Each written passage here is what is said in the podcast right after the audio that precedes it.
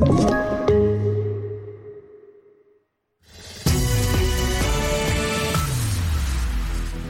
Det här är TV4-nyheterna där vi börjar med att berätta att skogsbränderna fortsätter att rasa i Grekland och tusentals turister och bofasta har evakuerats nära huvudstaden Aten, det rapporterar TT.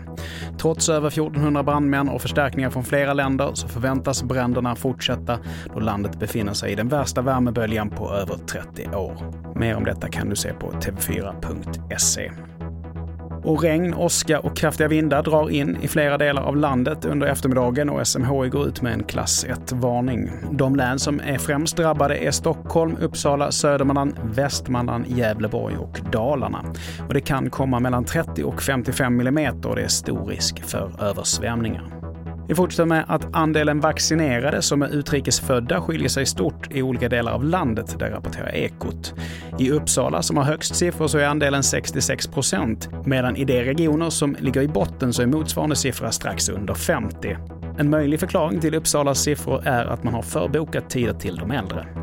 Och till sist, OS. Efter en rysarfinal i laghoppningen så blev det till slut olympiskt guld för Sverige.